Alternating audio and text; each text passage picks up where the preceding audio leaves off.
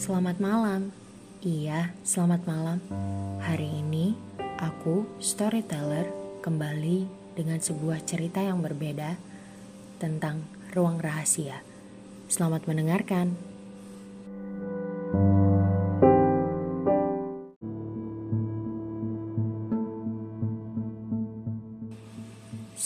itu, aku tersenyum melihat tiket kereta api yang sudah tercetak.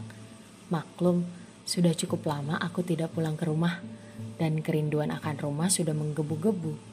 Setelah pemulihan yang cukup lama, aku langsung pergi merantau seperti rencana awal sebelum kecelakaan itu. Aku merencanakan kejutan ini sudah lama, mengingat perlunya permintaan izin untuk libur beberapa hari yang tidak mudah. Nih ya, ayahku melongok dari lubang kontrol pada plafon rumah. Sepertinya sedang membetulkan sesuatu dan terkejut melihat kedatanganku.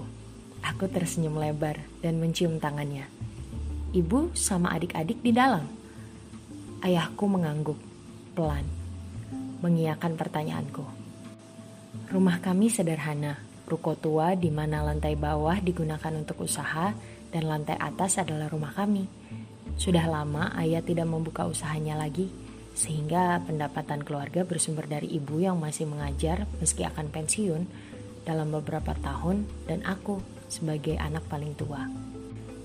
Kita selalu hidup berkecukupan, tidak kurang dan tidak juga berlebih. Begitu selalu perkataan ayah dengan syukur. Keluarga kami harmonis, tidak kaya memang, tapi bahagia rasanya bukan kata sifat yang jauh.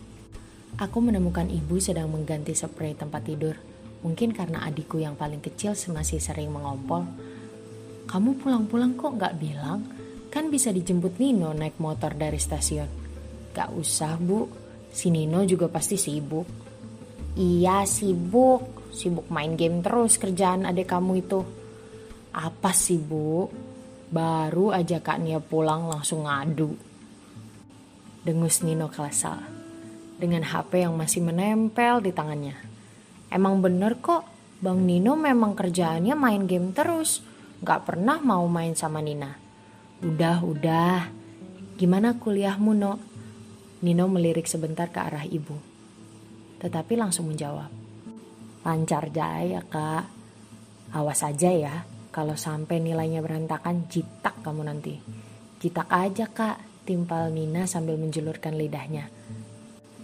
Malam itu, aku tidur di tempat tidur lamaku. Tempat tidur tingkat, tahu kan? Aku tidur di atas dan Nino di bawah.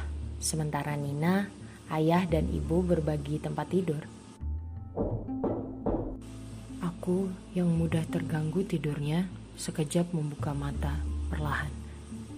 Kamarku gelap tentu saja. Jujur, aku masih enggan untuk beranjak.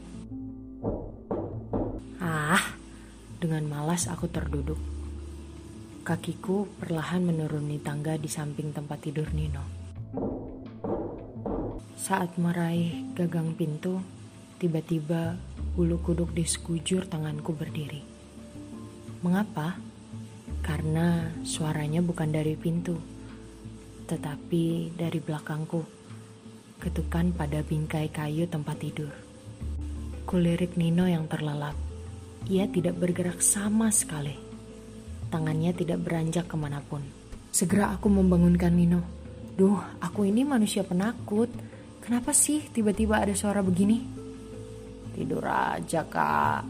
Palingan penghuni rumah udah lupa sama kakak. Makanya mau kenalan lagi. Kata Nino seadanya. Yang kubalas dengan pukulan pada tangannya. Seenaknya saja bicara. Sepanjang malam aku tidak bisa tidur. Hingga langit-langit samar berubah menjadi biru tua. Pertanda pagi. Aku ketiduran karena kelelahan akibat perjalanan panjang. Dia nggak curiga kan? Aneh-aneh saja kamu. Buktinya dia nggak bicara apa-apa. Ibu sama ayah berisik deh. Ganggu orang tidur tahu. Sayup-sayup suara obrolan keluargaku terdengar membangunkan mataku. Aku keluar kamar, berusaha melupakan kejadian semalam dengan sibuk di dapur menyiapkan sarapan. Sementara sejak bangun Nina terus terdiam di belakangku. mengekor ke mana-mana. Ia memang manja, dasar anak bungsu. Sepanjang sarapan juga, sementara yang lain berbicara, Nina terus diam. Aku menggandengnya ke kamar, berusaha menanyakan apa yang terjadi. Apa dia mengompol lagi semalam, sehingga jadi marah atau sedih. Kamu kenapa, nah? Kemarin gak kenapa-napa kayaknya. Nina menunduk. Tetap terdiam. Kak, Kak Nia jangan kaget ya. Tanyanya pelan saat kudesak berulang kali. Iya, ada apa? Tiba-tiba pintu terbuka. Nia, yuk ikut ibu ke supermarket depan. Oh, iya bu. Nina mau ikut. Nina menggeleng, seperti ketakutan. Mungkin semalam dia dimarahi ibu. Aku segera menyusul saat melihat Nino sedang memegangi tangga tempat ayah sedang membetulkan lubang kontrol di plafon yang kemarin. Kakak kapan pulang? Kenapa? Gak seneng kakak di sini? Hah? Hmm, enggak. Gak baik aja kakak lama-lama. Aku mendengus setelah mencitak dahinya, segera menyusul ibu. Malam tiba. Dan jujur, aku jadi lebih waspada daripada sebelumnya. Lagi-lagi suara ketukan. Aku memberanikan diri, langsung membuka pintu tanpa menunggu aba-aba. Aku menghela nafas lega. Nina berdiri dengan takut di depan pintu. Kenapa Nina? Mau tidur sama kakak? Ia menggeleng. Ia menarik ujung piyamaku. Dia menunjuk ke arah lubang yang dikerjakan ayah. Tangga belum terlipat karena masih ingin dikerjakan secepatnya besok pagi. Entah apa yang rusak. Ada apa? Di sana ada tikus. Rumah sederhana ini memang tidak kebal tikus. Nina kembali menggeleng. Ia hanya menunjuk dengan tatapan memelas. Tetapi bibirnya terkatup. Aku berusaha menaiki tangga.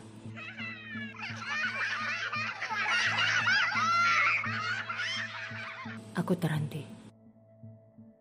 Sekujur tubuhku merinding. Aku menatap Nina. Cepat kak, aku gak bisa lama-lama. Kamu ini? Seruku agak kesal. Tapi penasaran juga. Sekali lagi aku menaiki tangga lipat itu.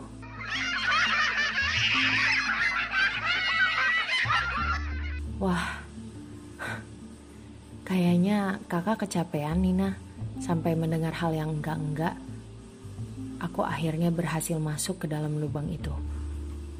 Ada banyak bau yang aneh, tapi entah kenapa tidak asing di hidungku.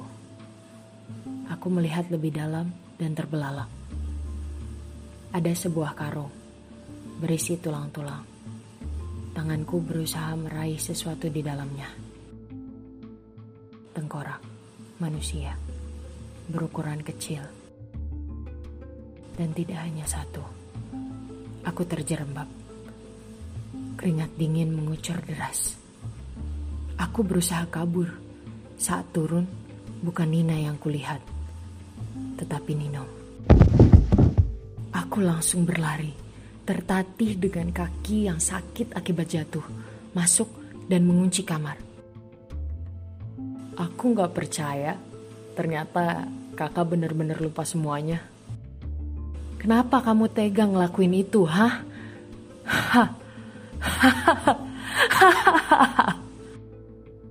Bulu kudukku berdiri.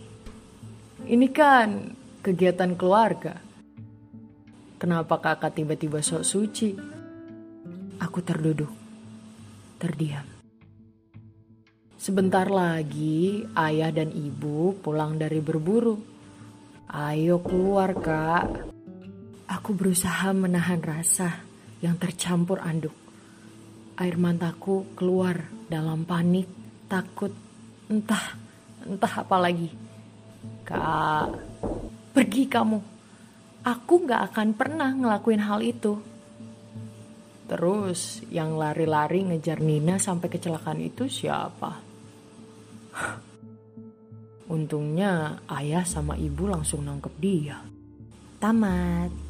Segitu dulu ya storyteller menceritakan cerita untuk malam hari ini. Semoga setelah mendengarnya, kamu gak lupa ya untuk melihat ke atap dan merenung. Mungkin ada ruang rahasia yang tersembunyi antara kamu dan anggota keluargamu. Selamat malam. Terima kasih sudah mendengarkan. Jangan lupa follow ya Spotify Selamat Malam. Terima kasih.